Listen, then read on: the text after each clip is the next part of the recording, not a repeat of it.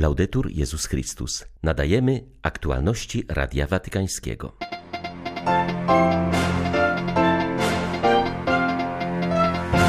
Do propagowania w świecie seminariów odnowy w Duchu Świętym zachęcił papież katolickich charyzmatyków zgromadzonych w Rzymie na kongresie Charis. Dzieci w Ziemi Świętej modlą się o pokój. Francja ma problem z aborcją. Ucięcie dyskusji na ten temat poprzez wprowadzenie jej do konstytucji nie rozwiąże tragedii kobiet, ostrzega francuski episkopat, komentując najnowszą inicjatywę prezydenta Macrona. 4 listopada wita Państwa Krzysztof Bronk. Zapraszam na serwis informacyjny.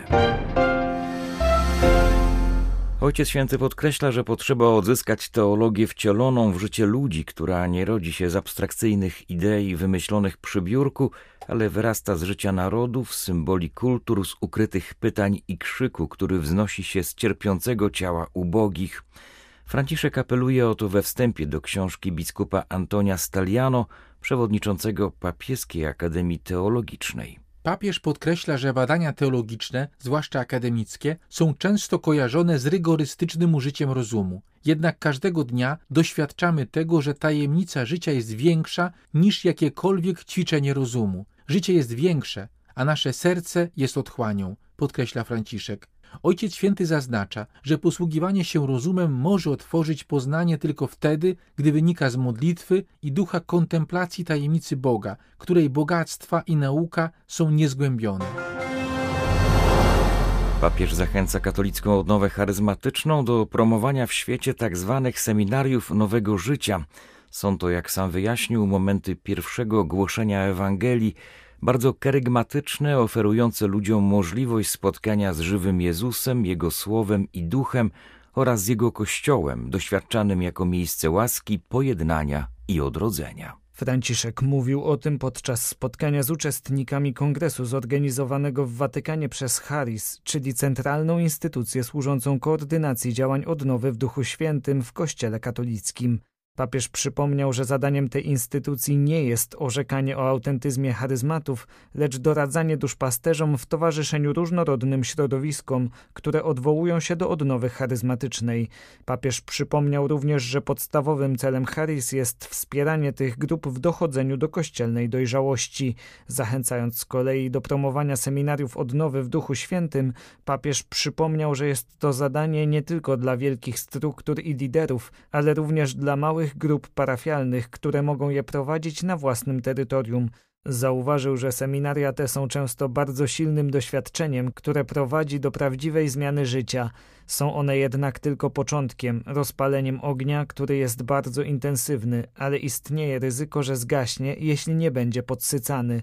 Właśnie z tego powodu, dodał papież, po ukończeniu seminarium konieczne są odpowiednie procesy formacyjne, które pomagają zachować otrzymaną łaskę i wspierają stopniowy proces wzrostu w wierze, życiu modlitewnym, moralności, uczestnictwie w sakramentach, miłości i misji Kościoła. Chodzi o to, aby więcej ludzi zdołało zwrócić uwagę na głos Boży i wtedy Ewangelia będzie mogła zostać szerzej poznana, a świat się zmieni. Wyraża swoje przekonanie moderator formacji Charis Międzynarodowej Służby Katolickiej Odnowy Charyzmatycznej. Rozmawiając z Radiem Watykańskim, Pino Scafuro podkreśla, jak bardzo potrzeba odpowiedzi na Boże wezwanie w świecie, zwłaszcza w ostatnich czasach.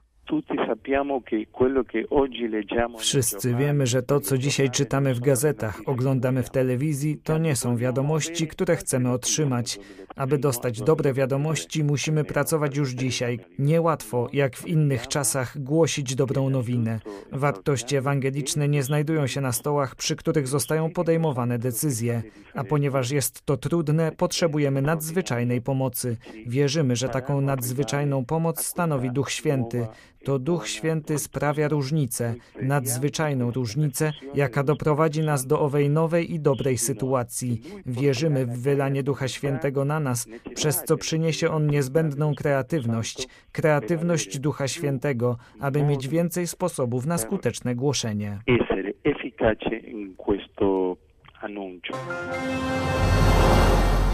Naprawdę wszystkie dzieci ze szkoły Terra Sancta w Jerozolimie w liczbie 400 chrześcijanie czy muzułmanie modliły się o pokój.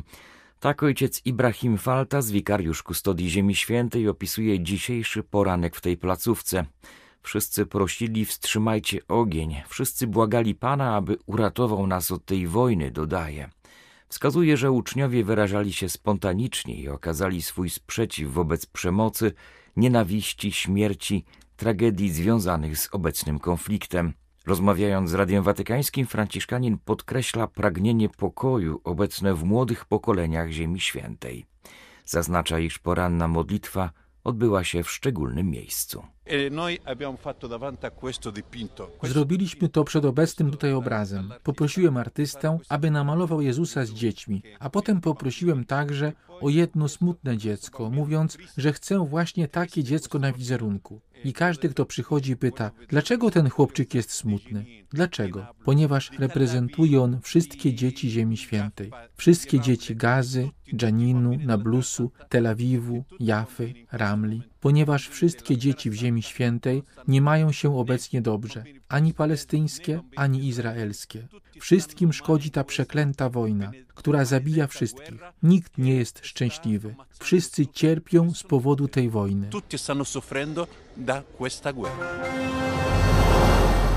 Francja ma problem z aborcją. W przeciwieństwie do innych krajów europejskich liczba aborcji stale rośnie, ale zamiast zająć się wspomnianym problemem, my usiłujemy zamknąć dyskusję na ten temat poprzez dogmatyzację aborcji, wprowadzenie jej do konstytucji. Tymi słowami skomentował przedstawiciel episkopatu Francji najnowszą inicjatywę prezydenta Macrona. Polityk ogłosił, że do końca tego roku zamierza przedstawić projekt ustawy wpisującej aborcję do konstytucji. Arcybiskup Pierre Dornelas ostrzega, że w taki sposób konstytucja zamknie dyskusję na ten tak bardzo bolesny problem. Dziś co piąta ciąża we Francji kończy się aborcją. Jedyną dozwoloną debatę można prowadzić wyłącznie w oparciu o jedną ideę, a mianowicie prywatność i autonomię kobiet. Rzeczywistość jest jednak inna. Badania pokazują, że aborcje często wywołują determinizmy społeczne, takie jak ubóstwo, mówi arcybiskup Dornelas.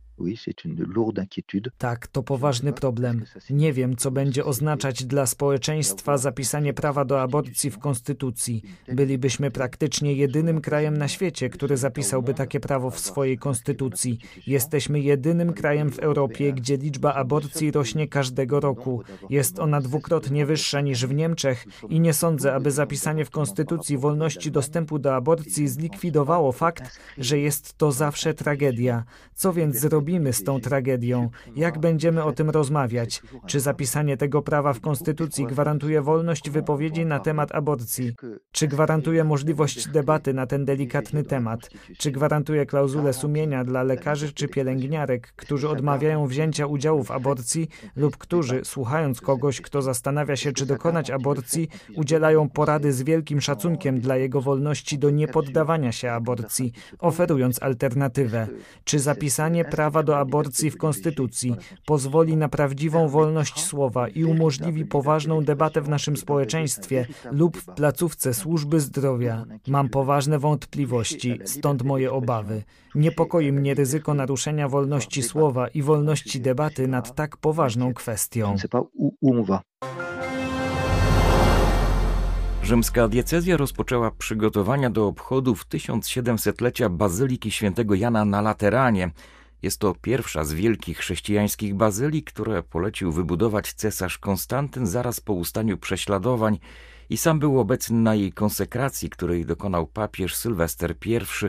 Przypomina ksiądz Marco Frizina, słynny kompozytor i dyrektor chóru rzymskiej diecezji, który skomponował nową mszę na ten wyjątkowy jubileusz katedry biskupa Rzymu. Zostanie ona wykonana w przyszły czwartek w święto rocznicy konsekracji Bazyliki Laterańskiej, to właśnie tego dnia oficjalnie rozpocznie się jubileuszowy rok, który potrwa do 9 listopada 2024 roku, kiedy to minie dokładnie 1700 lat od konsekracji konstantyńskiej świątyni, mówi ksiądz Frizina.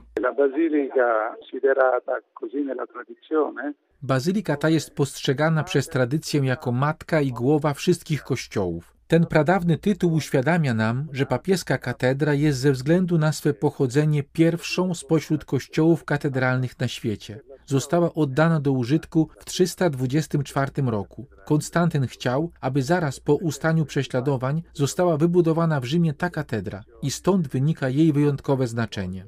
Rocznica jej konsekracji jest świętem w kalendarzu liturgicznym wszystkich kościołów. To jedyny taki przypadek. I nie wolno też zapominać o baptysterium przy Bazylice Laterańskiej. To tam rodzi się życie chrześcijańskie całego Kościoła. Jest to pierwsze baptysterium w chrześcijańskim świecie. Obchody 1700-lecia konsekracji tej świątyni są więc okazją, by powrócić do korzeni Kościoła. modo bellissimo per ricordare le radici della Chiesa. Papieskie dzieła misyjne w Polsce zapraszają do wsparcia modlitewnego i materialnego seminariów duchownych na terenach misyjnych. Rozpoczyna się kolejna edycja akcji Adomis Adoptuj misyjnych seminarzystów.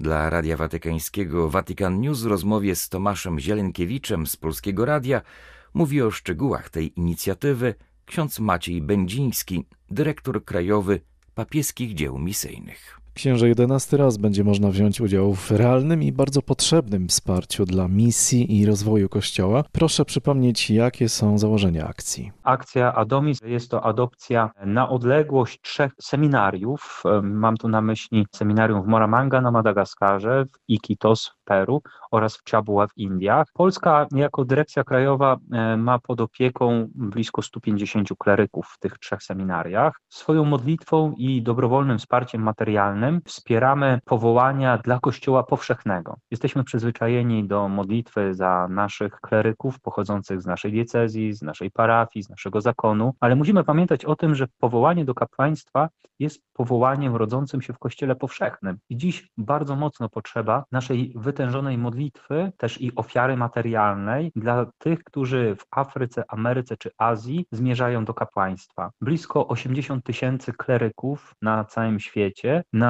tysiącu terytoriach misyjnych potrzebuje naszego wsparcia. Księże, w jaki sposób można wesprzeć akcję Adomis? Bardzo prosto. Możemy zgłosić się do papieskich dzieł misyjnych przez mail, przez wypełnienie deklaracji, albo podjąć taką adopcję w swoim domu, w swojej rodzinie. Akcja Adomis od tych 11 lat rozwija się w różnych kierunkach. Bardzo często takie seminarium adoptuje polska parafia. Mamy tutaj piękne przykłady, chociażby E, z Pasłęka, z Białobrzegów Radomskich, czy teraz e, jeszcze e, od Dominikanów z Warszawy. Mamy też konkretne rodziny, które chcą przekazywać dziesięcinę na utrzymanie kleryków w krajach misyjnych. Są rycerze świętego Jana Pawła II, którzy jako wspólnota mężczyzn wspierających kapłanów w Polsce chce mieć też swój udział w adopcji misyjnych seminarzystów. Adopcja misyjnych seminarzystów jest bardzo charakterystyczną formą wsparcia, charakterystyczną dla papieskich dzieł misyjnych, gdyż jedno z dzieł papieskich, mam tu na myśli dzieło świętego Piotra Apostoła, jest dedykowane wspieraniu kleryków w krajach misyjnych. Księże,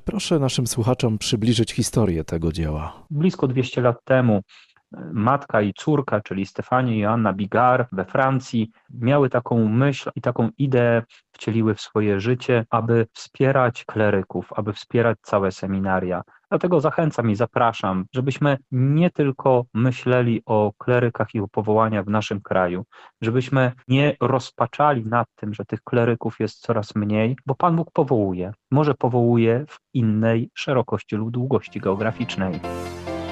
Były to aktualności Radia Watykańskiego. Laudetur Jezus Chrystus.